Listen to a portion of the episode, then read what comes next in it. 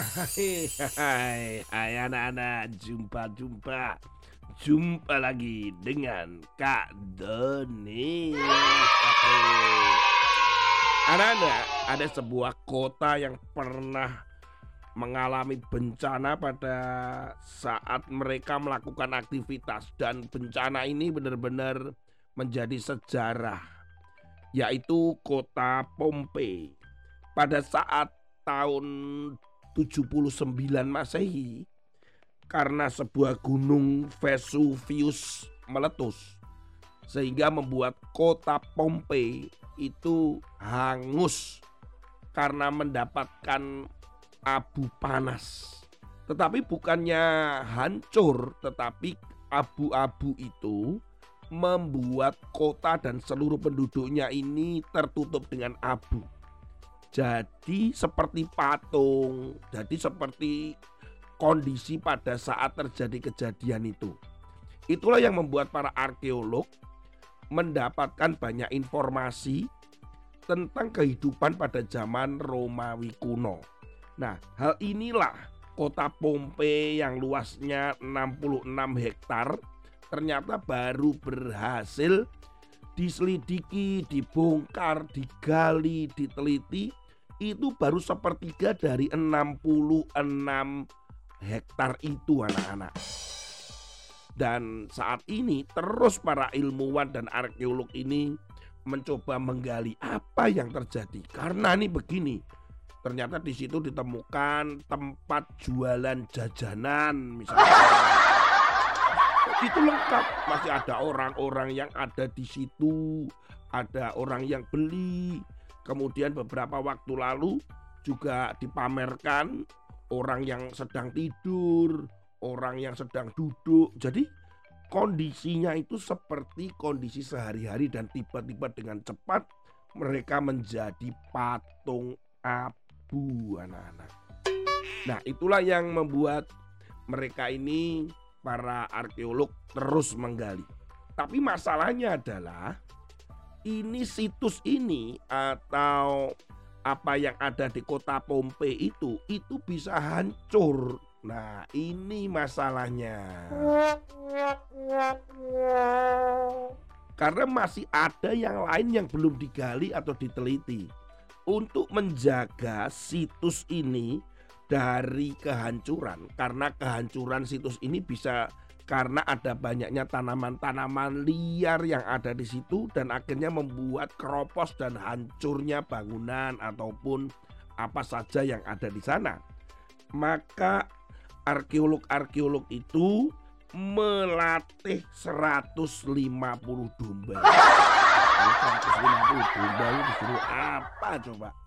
Ternyata 150 domba itu menjaga situs ini supaya tidak ditumbuhi tanaman-tanaman liar. Menurut Direktur Taman Arkeologi Pompei, dia mengatakan bahwa ini kalau sampai ditumbuhi dengan tanaman liar atau ilalang, satu-satunya yang bisa menyelamatkan itu adalah domba-domba ini. Ya tuh.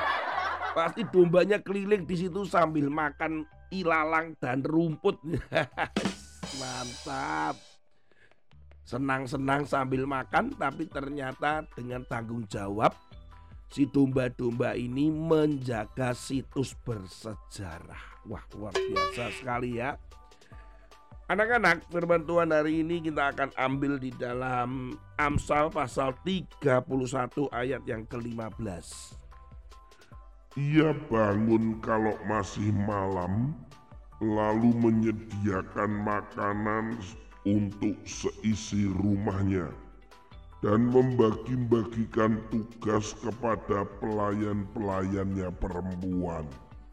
Ayat ini berbicara tentang tanggung jawab.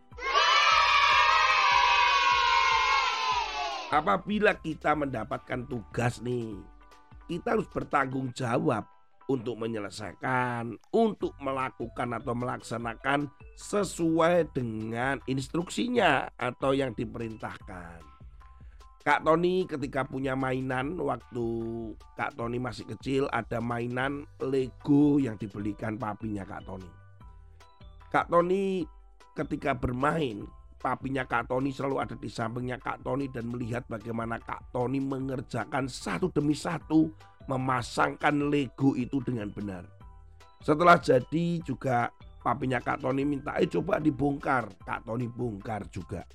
Ketika Katolik bongkar, kemudian memilah-milah, memisah-misahkan mana yang roda, mana yang itu adalah warnanya ini, warnanya itu. Kak Tony masih ingat banyak dominasi warna merah waktu itu. Kemudian papinya Kak Tony bilang, eh coba dihitung. Wah, sesudah itu dihitung. Nanti kalau bermain lagi, kamu harus menghitung lagi di awal. Dihitung di awal, kemudian bermain, kemudian dihitung lagi di akhir menurut Kak Tony waktu itu Kak Tony jengkel sekali. Kenapa sih bermain aja disuruh menghitung, kemudian menata kembali. Papinya Kak Tony mengajarkan Kak Tony untuk bertanggung jawab.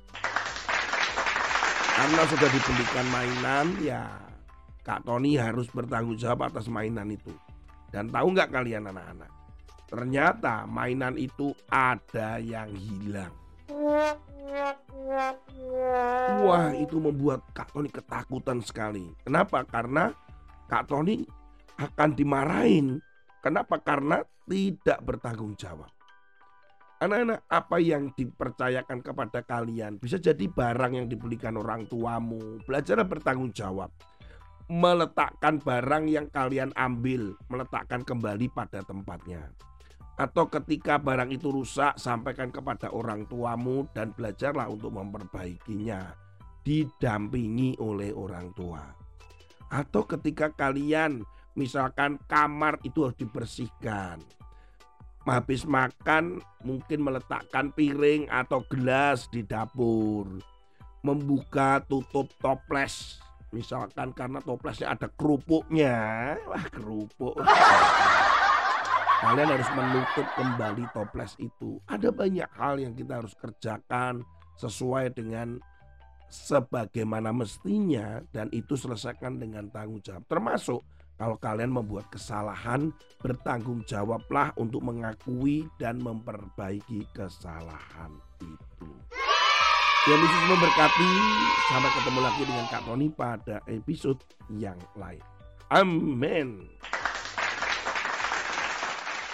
Thank you.